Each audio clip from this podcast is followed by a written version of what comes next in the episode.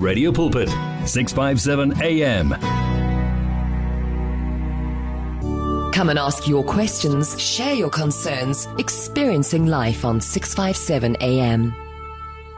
Mm sihamba nonqubeko mbatha la ethi kithepile wena Jehova isikhathi sithi um 1631 isigaba ke sokugcina lesi um sila um kujula ezwini eh and si sisesela odabeni lwe Visionathon 2020 uh, #inspired off. Kwamanje ke eh ngino ureverend Fezile Maqaqa and umfundisi Andile Velem uzosijoina ke yena later um nakulolu suku sisaqhubeka la ngodaba lwe prophecy and last week besibuke um okuningi about im um ugcotshwa and sathola ke umbuzo okuwukuthi asikwazanga ekutheni siuphendule so kuleli viki ke sizoqala ngawo. Ithi ke simamukele umfundisi ufezile. Maqaqa mfundisi sawubona. Sawubona manhlapho eh nabalaleli be bomsakazo ipulpit. Kunjani? Hayi siyaphila siyaphila tata. Eh ngikanye no given masilela ngala. Sawubona. Sawubona baba Given kunjani? Ngiyaphila kunjani? Hayi, sikhona ndoda enkulu. Amen.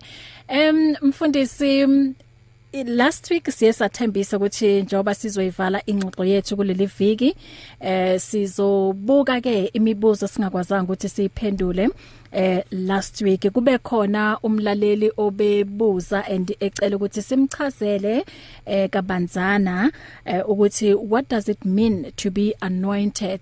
Um sibuka futhi nokuthi what is anointing and nokuthi what does it mean to be anointed um of God? Yeah, the lento ibuzwe umlaleli. Eh i in inempendulo ezi ezi ezi different eziningi. Mhm. Uh because of its history ngoba ine history enrich kakhulu. Yep. Uma ke sijonga i i culture esuka esuka kuyona. Mhm. Um ukanointwa i i practice ibisetshenziswa kakhulu eh ngesikhathi eh sadala kwimpi kwimpilo eh ya ya ya yabantu ababehlala ancient near east sikhuluma ke abantu abamajuda nabanye nje abantu aba abama oriental oriental people ama oriental nations. Mhm. Um ibinto ejwayelekile ke kwiculture yabo anointwa kwabantu you understand? mm, mm. um it was it, it, it, it was a general common practice. Mm -hmm. anointwa kuze ku anointwe uh, even umzimba womuntu oseshonile before angcwatshwa. Yeah. you understand? Mm -hmm. and um na bekuyoku anointwe futhi abantu aba abazophatha kings. Mhm ama amakhosi bekuya a consecrate nawo anointwe eh ngeoil kusetshenziswa ioil uma kwenziwa lokho. Mhm eh beku anointwa futhi ama priests as well. Eh abantu abazongena kwi office lo lo lo lo lokuba i priest umuntu ah be be be beka anointwa eh iyatholakala kakhulu ku testament elidala kuma exodus uyayithola kuma kuma numbers uyayithola. Um ku anointwa ama priest nakuma i think ku first chronicles as well uyayithola as well lapho ku anointwa eh inkosi. Story stories esi esi esijwayeleka kakhulu abantu abasikhumbulayo kulapho uSamuel eh went and anointed inkosi yokuqala ya ya kwa Israel uSaul uh, uSaul. Then wabe sekudlulela eh anointa uno David as well ethubeni. So iyazeka ke leyo into wonke umuntu wonke umuntu uyayazi eh esijwayelekile esijwayeleke kakhulu. Umzekelo anointwa kwamakhosi lo. But ke i'm sure i question ile sibuzayo namuhla eh i question that has much more to do with indlela legama elisetshenziswa ngalo eh kwi kwi kwi kwi kwi kwi kubu Christu today eh so um ama ama Christu wona legama alisusela ali ali ali alisusela eh kwi kwi kwi kwi kwi kwi kwi culture ye Christianity eh yo yo engo Christu uKristu eh uma ufunda i think incwadi kaIsaiah eh kuyakhulunywa ukuthi uMessiah uzoza uMessiah uzoza eh and uma sijonga ke le ndaba kaMessiah othenjiswa ukuthi uzoza kuTestament elidala eh le gama elithi Messiah means the anointed one the anointed one. Asim asim asimbona uKristu egcotshwa eh ngokwe ngeoil asimbona egcotshwa ngeoil. Kodwa ke eh ugcobo lwakhe lugcobo oluve ngomoya engcwele. He was anointed by the holy spirit. Um so he's the anointed one he's the messiah of god the anointed one. So iculture yamakristu isusela lapho indaba yokuba anointed eh Mhm. noma anointing. Yeah.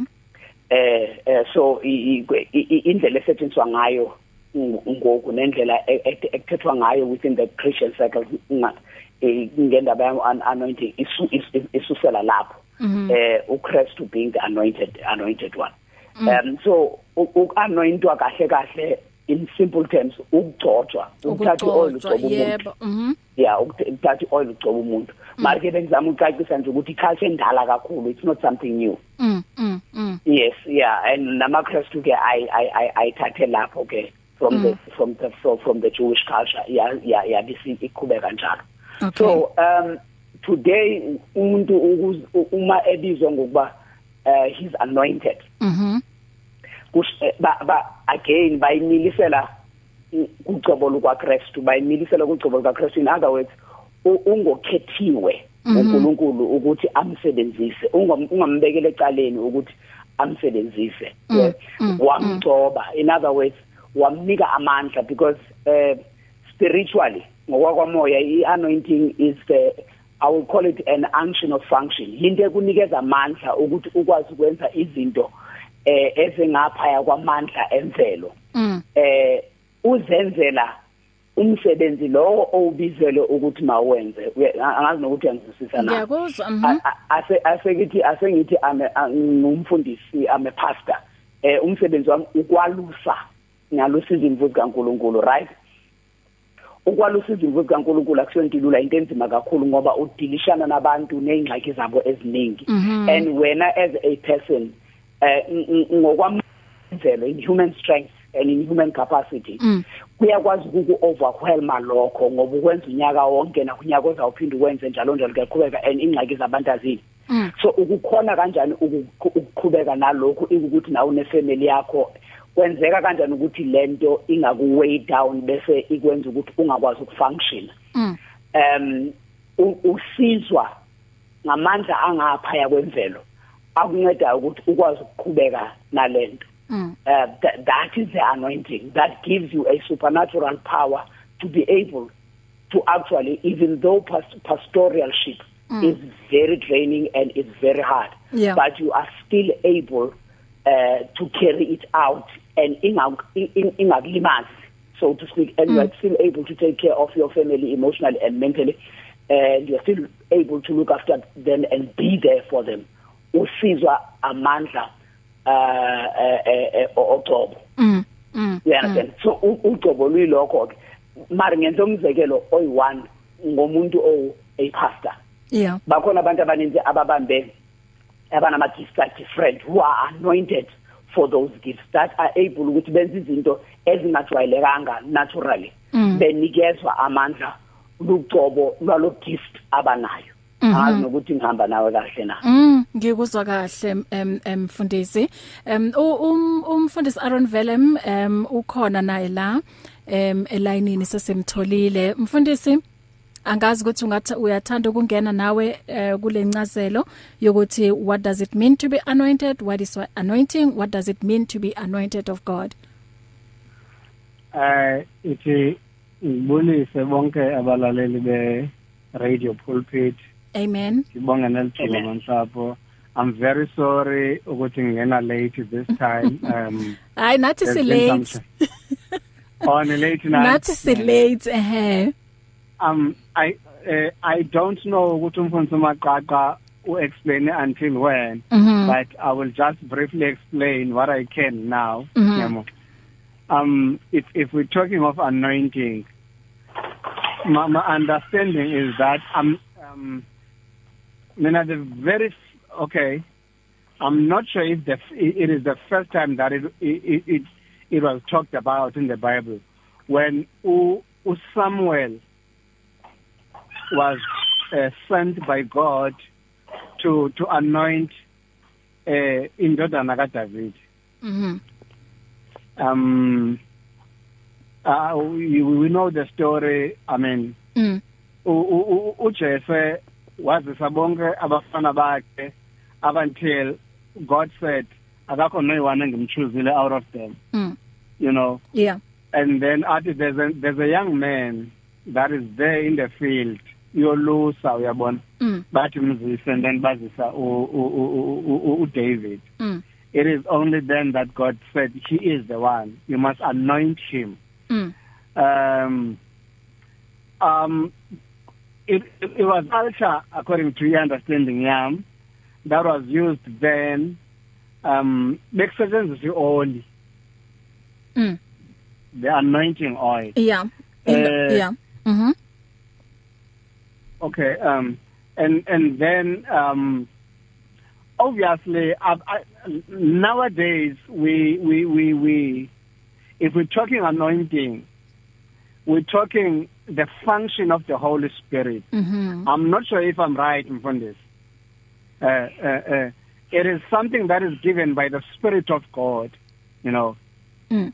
ukuthi usebenze ngayo for the works kaJehova, Mm. you know. You cannot take the anointing and use it for something else. It is given by God for umsebenzi kaNkulunkulu, Mm. you know. Mm. Mm. So wh- when when when kukhona abantu abathi he is anointed or kuthiwa umuntu ugcotshiwe Yeah. like unikezwe there's that extra cushion yokuthi adilishane nomsebenzi kaJehova you know because it's not easy ukusebenza ngom umsebenzi kaJehova unguwe nje Mhm. so you need that Yeah. angazi nokuthi ngicacise kahle Amen. Um mfundisi njoba ke um, uhlelo lethu lithe ukushintsha kancane and then um sila odabeni um um lapho ke sicela kubalaleli ukuthi um banikele ngendlela abanganikela ngakhona and inhloso ukuthi umsebenzi kaNkuluNkulu uqhubekele phambili and ngezinye zezinto esizibonayo einsukwini za- zanamuhla ukuthi abantu bazosebenzisa igama likaNkuluNkulu ukuze bona bazuze kubantu. Em abantu bayakhohliswa em, mhlambe umuntu azenze ngathi njengoba esikhuluma ngama prophets okungasiwona weqiniso. So ngiza la endabeni ye ye- giving ne? Em ukuthi i- iyiphi or umbuzo wami awubo ukuthi kahlehle um ikakhulukazi ebandleni uma kuzothiwa abantu abanikele bayanikela bese ke iya kuphi leyo mali. Ngoba uzozwa abanye ba complain abathi hayi cha thina imali ethu asiyiboni ngathi i- iyenza umsebenzi okuyiwona ebandleni. Kanti iBhayibheli lithi i- imali ye offering imali ye tithe eh kumele kwenziweni ngayo. Thina sibona abafundisi bethu bahamba ngama eh imoto eziphezulu bahlala eindlini okuwukuthi eh, le koma sabab siyabona izinto ezinjalo eindlini e- ezinani eliphakeme. So uma kukhulunywa ngomnikelo eBhayibhelini umnikelo umsebenzi wawo kuyini? Eh anda eh, eh, dingangena manhlapho andanobubuza yebo kumna. mfundisi yebo reverend ungangena. All right um manhlapho when it comes to this question Yeah. okala masi masi masi masihalalisele ke i- i- ipulpit ngalomsebenzi ba- ba- bawenzayo.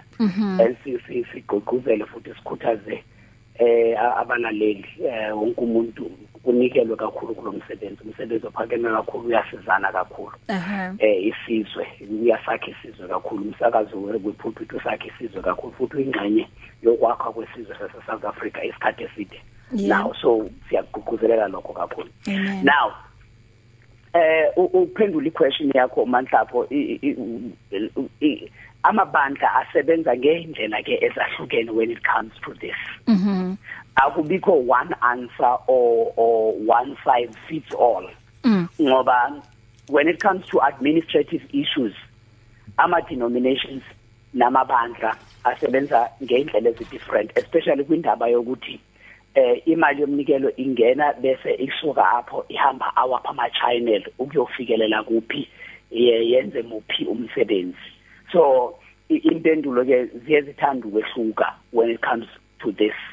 Um uh akhona amabandla for example lapho uh, umnikelo eh uya kwingxowa eCentral. um, then mhlawumbe uma ngingxowa eCentral ngikhuluma ke ngebhanki yebandla bese ke from ibhanki yebandla zonke izisebenzi zala ebandleni eziholelwayo bese ke ziyaholelwa izisebenzi zala including eh ofundisayo umfundisi um uh, then then then kwenziwe ke nezinye izinto ama programs eso e, e, ebandla kanjalo nje mm. eh ngemali esuka from uh, the central uh, kitty yebandla um, amanye amandla asebenza kanjalo. Amanye asebenza differently kukhona uh, amabandla lapho umnikelo eh nesishumi sisuka straight from ezandleni zabantu eh bese siqonda eh ngqo eh kumfundiso inhloko then yena bese uya uya share according to the needs zebandla. Eh nalabo ke mhlambi ama programs ekumele ba enziwe nalabantu kumele ukuthi babhadale. Eh ziyohluka njalo zikhona nezinye kamabandla asebenza ngendlela amabandla asebenza ngendlela eziningi in trying to actually distribute ukusebenza kwemali enikelelwa ebandleni. But ke umuzo wakho eh, unendawo ethi iBhayibheli lithini lona eh kule ndawo? Yebo. Yomnikelo ithi umnikelo mawenzeni.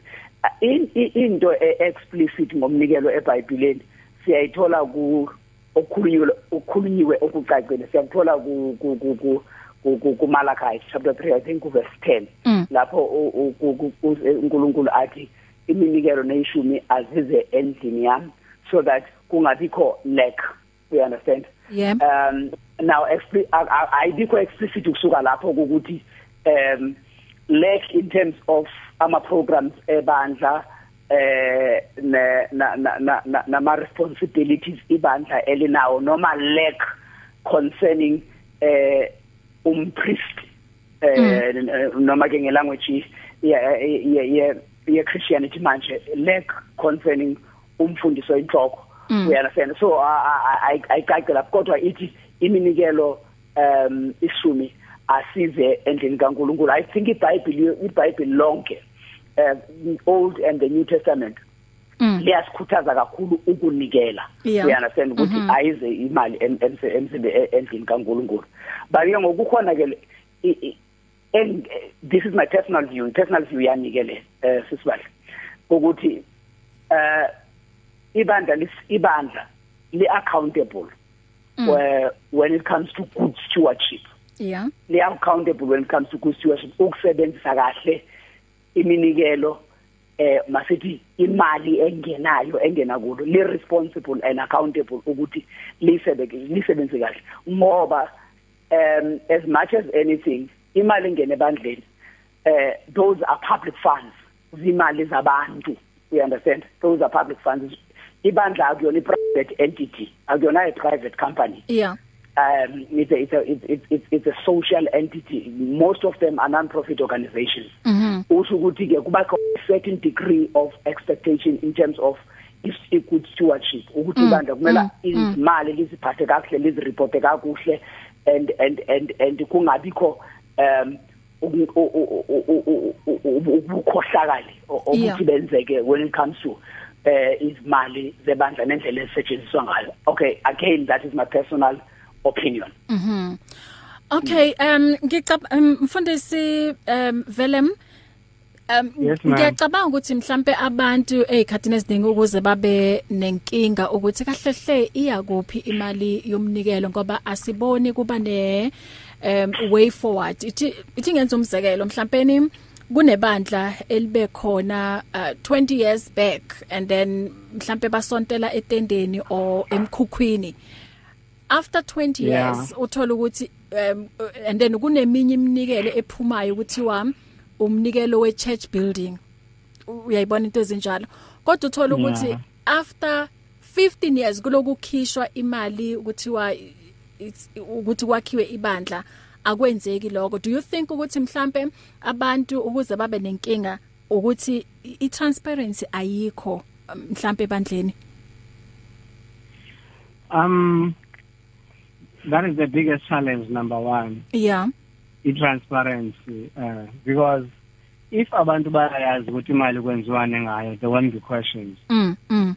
um so so into eyenza ukuthi abantu babe nama challenges again there should be a balance between uh uh, uh izinto ekufanele zenziwe esontweni and whatever umfundisi that has i'm not sure if i'm making sense mm mm ngiyakuzwa we cannot have a situation where eh kubethwe imali zezinto zonke but mm. nothing is happening in church but at the same time umfundisi um is is changing cars and stuff but mm, mm, mm. Eh, eh, eh, eh, I'm not saying it is wrong for umfundisi ukuthi abe nemali or ashintshe imoto you know. Yeah ngezinye ikhathi angithi uthola ukuthi umfundisi vele uyayisebenzela.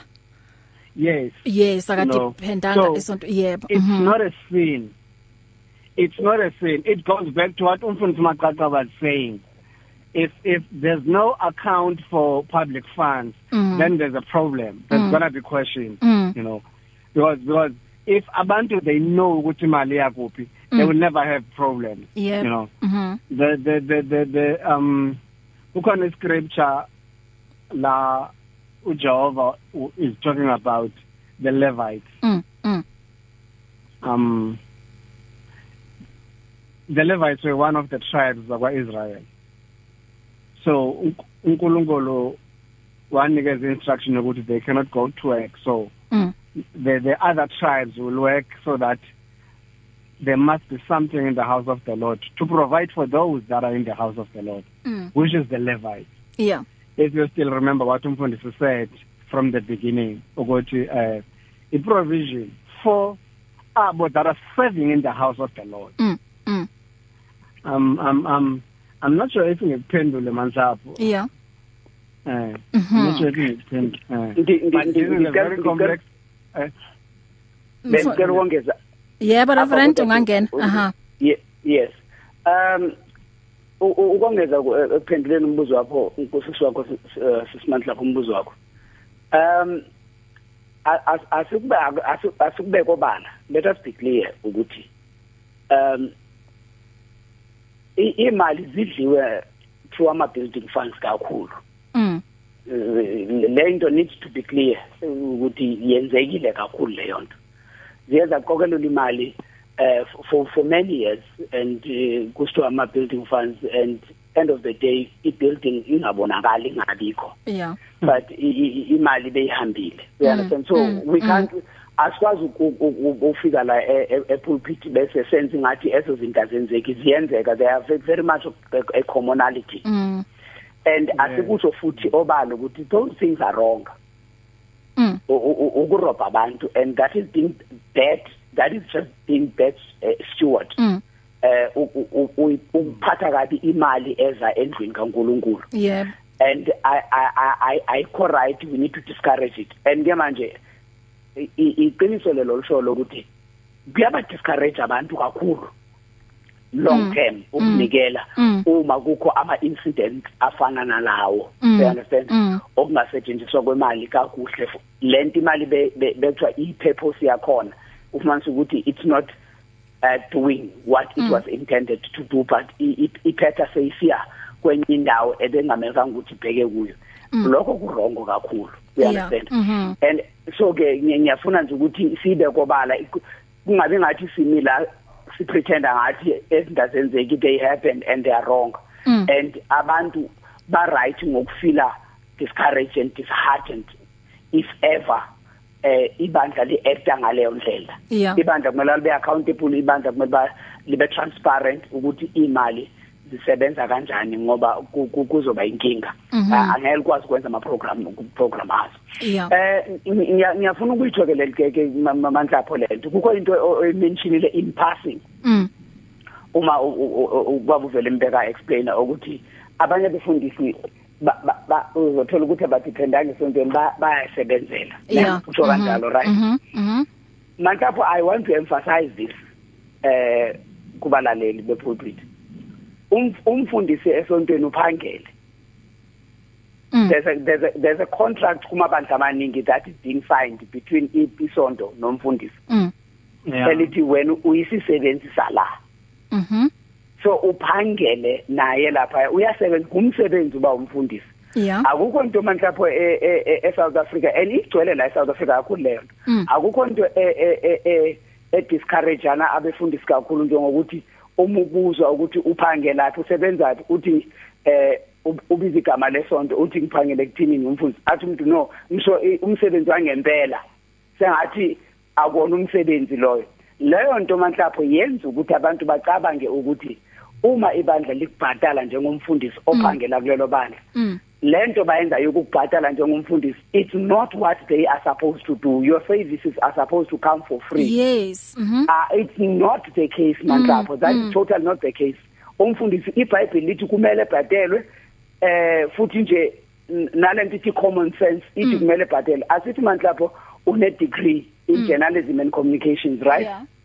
uspende u4 years e University of uh let's say eVets but nami ngingumfundisi on the other side ngispende 4 years ngibhatala izimali e University of the Western Cape ngi acquire degree in theology. So that ngingene la ngisabela ubiso but at the same time ngisabele lento kuthiwa vocation so ngiyakwinto ethi ke ma- ke ke- ke manhlapho abefundisi nabo baphangele ngiyafuna ukuyicacisa lento ebandlela ukuthi icace but ke asiyikhuthazi into ukuthi kudliwe izimali. Yebo, aha.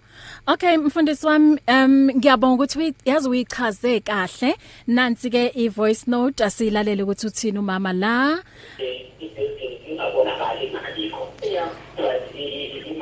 Sawubona bahle nogivini nabefundisi ngiyabulisa ngegama lika Jesu Kristu waseNazaretha yimi umam Lydia ngihlala ngapha ngase Krugersdorp mina angazi noma ngiunderstanda kahle na kodwa encwadini ka 1 Corinthians 9 from verse 14 iBhayibheli lithi in the same way the Lord has commanded that those who preach the gospel should receive their living from the gospel. Mina ngicabanga ukuthi imali leyo yokunikela emasontweni abafundisi bafanele bathole umnikelo ukuthi bazokhona kuphila nabo bano- babe nokudla. Enye imali ngicabanga ukuthi ibhadalela irent lesonto enye ibhadalela ugesi namanzi.